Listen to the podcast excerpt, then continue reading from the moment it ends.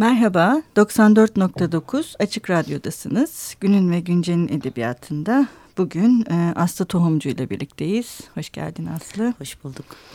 Aslı Tohumcu Aralık 1974'te Leverkusen'de doğdu. Çocukluğu Bursa'da geçti. İngiliz edebiyatı öğrenimi gördü. Çeşitli yayın evlerinde editörlük, televizyonda muhabirlik yaptı. Kitap ekleri çıkardı. 2003'te Abis, 2006'da Yok Bana Sensiz Hayat, 2010'da Şeytan Geçti, Taş Uykusu ve 2014'te Ölü Reşat adlı kitapları yayınlandı. Çocuklar için 3-2-1 Ateş adlı öykü kitaplarını ve 3 kitaplık Bolbadim Günlükleri dizisini kaleme aldı. Ot dergide yazan tohumcu kızıyla birlikte İstanbul'da yaşıyor. Ee, evet, e, yeni yayın dönemimizin ilk yazarı Aslı Tohumcu. Hayırlı olsun yeni yayın dönemi o zaman. evet, ne güzel. Şimdi aslında bu muhtemelen sana ben tabii biraz araştırdım. Ee, seninle yapılan söyleşilerde de çok var ama e, genel olarak kitaplarında şiddet ve ölüm meselesi yani hep konuşulan bir şey.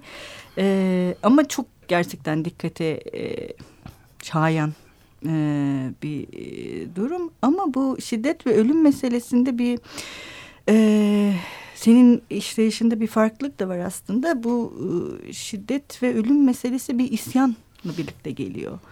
Yani ölüme isyan etmek ya da var olan sıradanlık ki hatta Ölü Reşat bile öyle yani. Sıradanlığa isyan etmek gibi bir, bir, bir şey de taşıyor gibi geldi en azından hani bir okur olarak ben öyle düşündüm. Hani hmm. ölmek bir kabullenmek değil. Hatta şiddet de bir kabullenmek değil. değil. Şimdi işin şiddet kısmı şiddet benim de hayatıma değdiği için e, kişisel hikayemde de bir e, şiddet yer aldığı için e, abisten beri ısrarla hep gündelik hayattaki şiddet hani karı koca arasında olsun anne kız arasında olsun sokaktaki küçük hani kamusal alanlardaki karşılaşmalarda yaptığımız şiddet olsun psikolojik ve fiziksel şiddet bana da değdiği benim de öyle bir hikayem olduğu için sanıyorum ısrarla hı hı. E, anlattım. Ölüm tabii ki şiddete isyan edeceğim bu arada herkes hı hı. E, ediyor etmeli. İşin ölüm kısmı da özellikle Ölü Reşat'ta benim hı hı. dikkatimi şöyle bir şey çekti. Hani babamın hayat hikayesinden hı hı. yola çıkarak e, kurduğum bir roman olduğu için ama gene de başrolde babam olduğu için ve hani sürekli bir takım Hı -hı. kazalara maruz Hı -hı. kalan bir kahraman olarak var e, romanda. Ölü Reşat'ı yazarken lafı uzatmayayım özellikle fark ettim. Ölüm benim kabul edebildiğim bir şey değil. Öyle bir tevekkülüm Hı -hı. yok. Hatta aksine çok büyük bir dehşet yaşıyorum. Hani evde kuşumuz öldüğü zaman bile hı hı. E, 6 yaşındaki kızımı bununla yüzleştirmeyi hı hı. beceremiyorum. Çünkü ben kendim e, yüzleşemiyorum. Hı hı. Kendi ölümüm ayrı. Hani sevdiklerimin ölümü hı hı. ayrı. Hı hı. O o yüzden herhalde o duygu Ölü Reşat özellikle sindi evet, diye evet. düşünüyorum. Hı hı. Yani kabul edemiyorum hani bir hı hı. yok oluş, bitiş olarak görüyorum. Hani belki bir dini inancım olsa, hı hı. bir öte dünya inancım olsa daha hı hı. şey gelebilirdi. Olmadığı için herhalde çok büyük bir dehşet hı hı. yaşatıyor ölüm bana. Şimdi bir de şey var bu ilk kitaptan itibaren dikkat şey çeken bir şey yani başka söylemler, başka diller, başka şekilde anlatmak. Neredeyse her kitap başka bir şekilde kurgulanmış. Ee, bunun neden düşündün? Yani sonuçta bunların hepsi bir şeyin parçası da olabilirdi. Ama mesela ben kendi adıma şey diyebilirim. Hani Taş Uykusu ve Ölü Reşat'ın üstünde her ikisinde Aslı Tohumcu yazmasa Hani bunların her ikisi de yani aynı yazarın kaleminden çıkmış mıdır diye düşünürdüm açıkçası. Bu güzel bir şey sanki özellikle hani Ölü Reşat söz konusu olduğunda. Çünkü Ölü Reşat'a kadar hakikaten çok e, yoğun bir şekilde hani şiddeti, ölümü anlatan çok karanlık benim ya da depresif bulduğum hani yazarken depresifleştiğim kitaplar yazdım. Fakat e, Ölü Reşat'a geldiğimde biraz da bu Habertürk olayıyla birlikte hani Habertürk'ün abisi hı hı. ve beni hedef göstermesiyle birlikte bir e, değişik bir duyguya kapıldım. Bir haksızlığa uğradım. Nasıl bir haksızlık dersen hani ben yazmak bir odada tek başımıza yaptığımız bir şey. Hani insanlar dışarıda yerken içerken hayata devam ederken kendinizi bir odaya kapatıyorsunuz.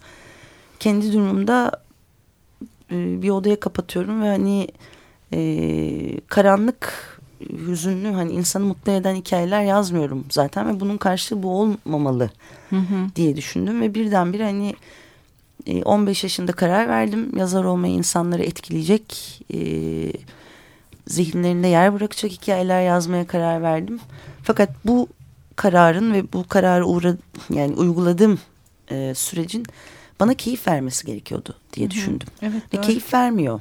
Ben de hani kalemi kağıdı bıraktıktan sonra ben de bir hüzünle devam ediyorum hayata. O zaman bu sefer e, benim de keyif alacağım, eğleneceğim, okuyucunun da okurken hmm. eğleneceği, mümkünse kahkaha atabileceği bir şey yazayım. Hmm.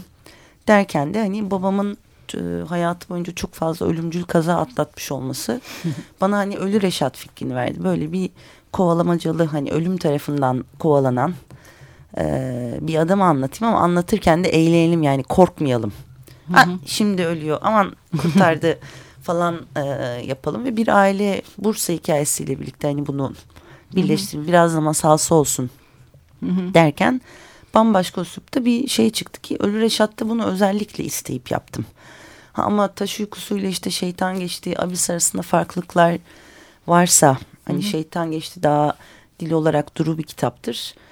Onlar için de şunu söyleyebilirim hani sen de bilirsin her hikaye kendi dilini getiriyor. Hı. Her karakter kendi dilini Doğru. getiriyor. Biri daha duru anlatıyor, biri daha grift anlatıyor. Hı hı. Biri üç beş kişiye ihtiyaç duyuyor hikayeyi hı hı. aktarabilmek için. Biri tek başına evet, yetebiliyor. Evet. Doğru. Kendiliğinden geçen şeyler ama bundan sonra da değişik türler denemek istiyorum. Mesela bir distopya yazmak istiyorum. Hmm, çok iyi fikir. Ben de aslında düşünmüştüm yani Ölü Reşat. Ee, ben distopya değil de ütopya. daha şenlik. Ütopya'ya da gelirim evet aslında daha iyi fikir. Ütopya'yı denemek lazım belki Ütopya doğru dedin. Olabilir mi? Ya bir taraftan da şey de düşündüm. Hani bu...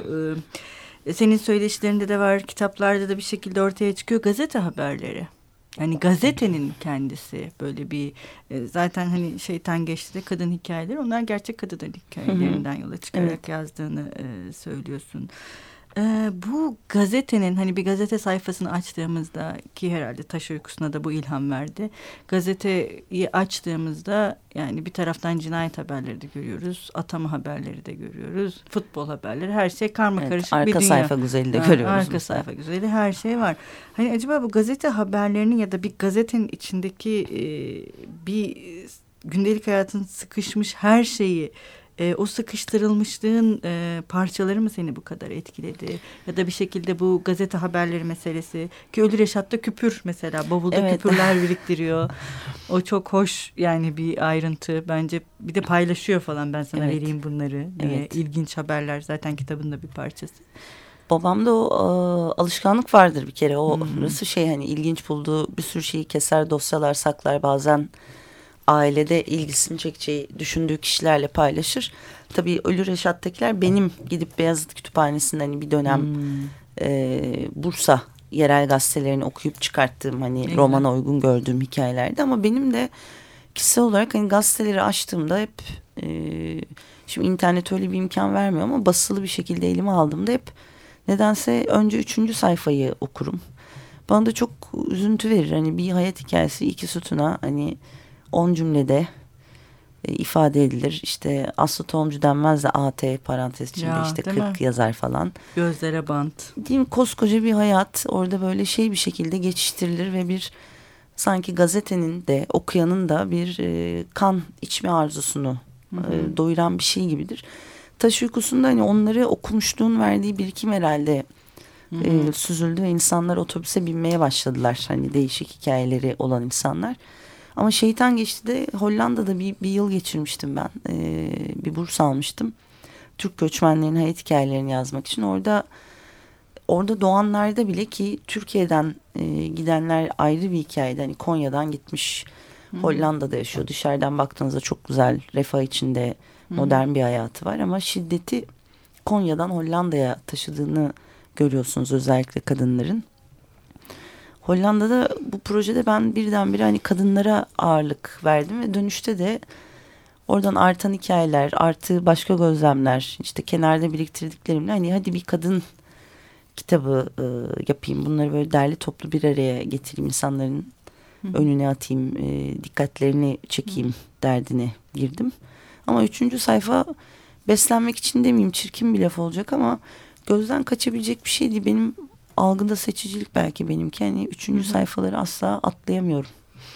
Ee, şimdi bir ara vereceğiz. Ee, ne çalalım? Biz böyle hep kitaplardaki Peki. şarkıları çalıyoruz. O zaman e, Ölü Reşat'ta bir Hafız Burhan şarkısı var onu çalalım.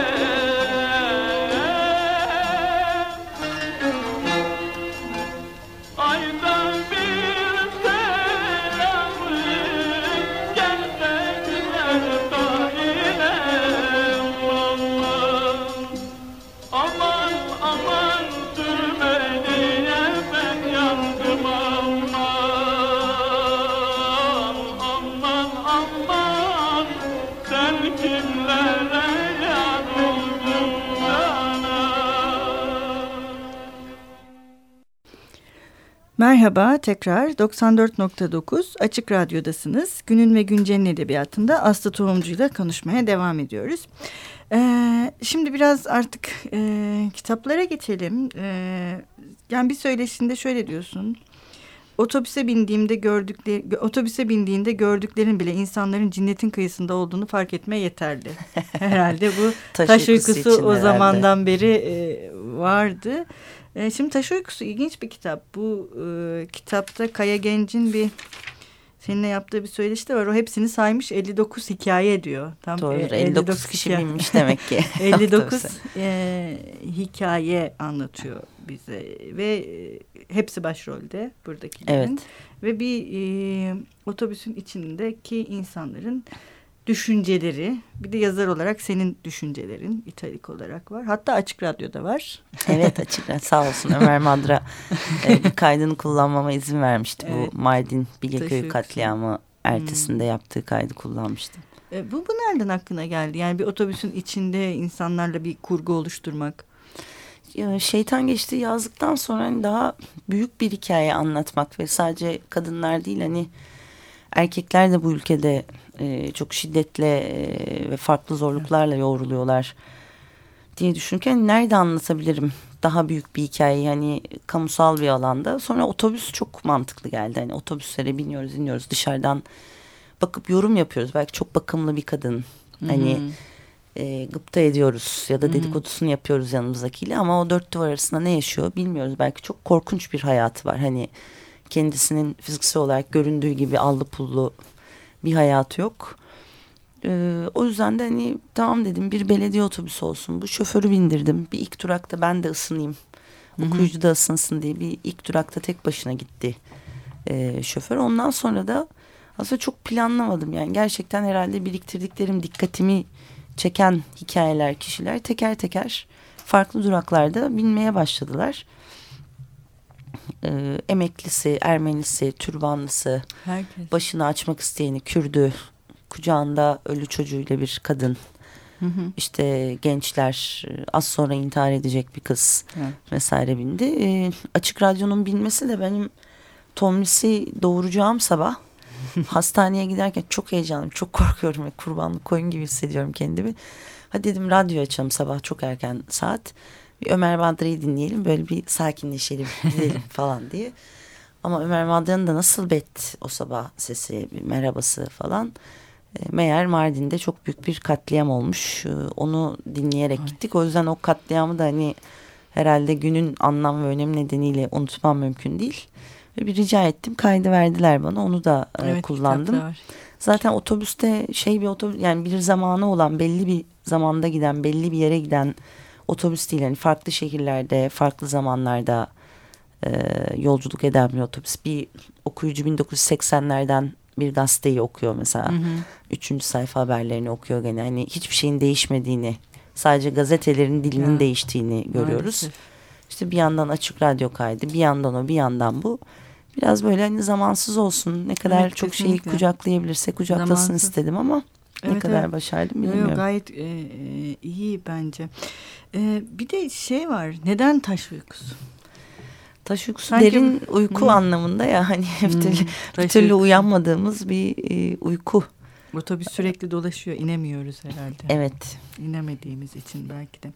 Şimdi biraz e, şeyden de bahsedelim. Şimdi senin eserlerinde bir yoğunluk önemli bir şey. Anlatı giderek e, yalınlaşıyor ama yoğunluk giderek artıyor. Mesela ben Ölü Reşat'ı şey anlamında çok yoğun buldum. Ee, yani bir hikaye anlatıcısı zaten bu hikaye anla yani anlatıcı bir hikaye anlatıcısı bu önemli bir ayrıntı ve hikaye anlatıcısı e, zamansız bir şey anlatıyor aslında. Hani bize Reşat'ın hayatını anlatırken yani öyle cümleler var ki şey böyle neredeyse bir aradan 40-50 yıl birden geçiveriyor. Evet. Sonra bir sürü ayrıntı anlatabiliyor. O şu olmuştu da bu olmuştu bilmem neydi falan da gibi hepsi birbirinin içine giriyor ve hani o yalınlıkla birlikte giderek daha yoğun bir anlatı e, tarzını mı benimsemek gerekti diye düşündüm bu Ölü Reşat'la birlikte özellikle. Sanki hani hikayeyi sana anlatır gibi normalde gündelik hayatta da hani konuşurken bir olay anlatırken bir şey gelir aklımıza. O başka bir olaya atıfta bulunuruz. Bir kişiye atıfta bulunuruz. Hı hı.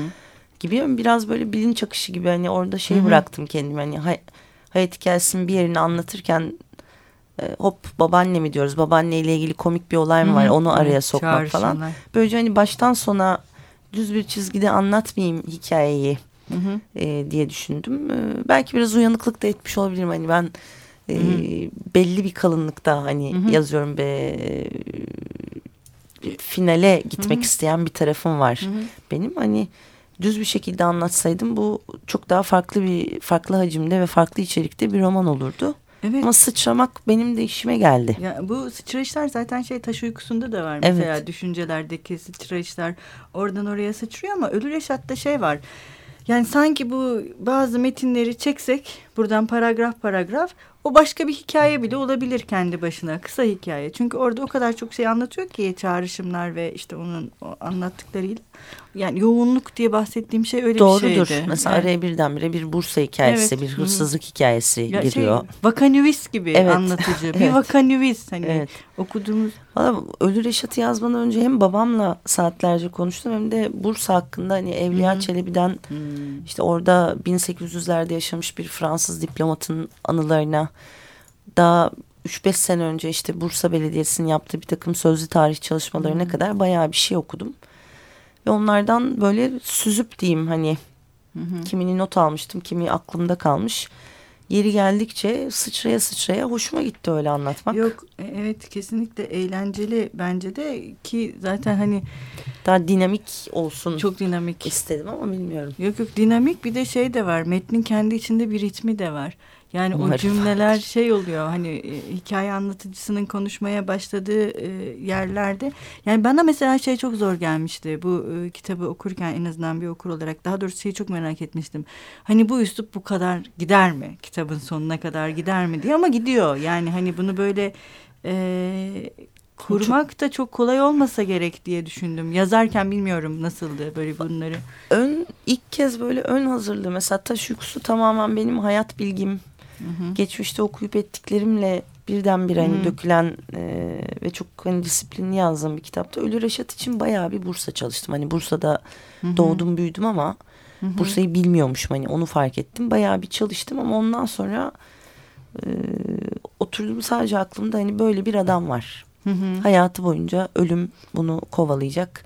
Ne zaman ölecek, nasıl ölecek ben de bilmiyordum. Bursa'da şey Hı -hı. olsun istiyordum yani Bursa'da Hı -hı. ikinci baş karakter Hı -hı. olsun istiyordum. Olmuş zaten Ondan evet. sonra hani e, döküldü bir şekilde.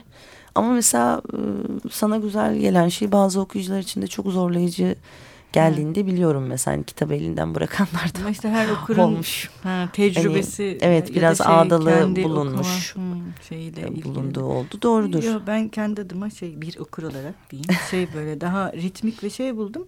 Ee, bir de şey benim e, dikkatimi çekiyor. Çok e, hızlı bunu da e, konuşmak istiyorum aslında. Bu son dönem edebiyatında parçalılık yani mesela bu hani taş uykusunda da Ölü Reşat'ta da hani bu söylediğimiz parça parça da bunların bir anlamı var.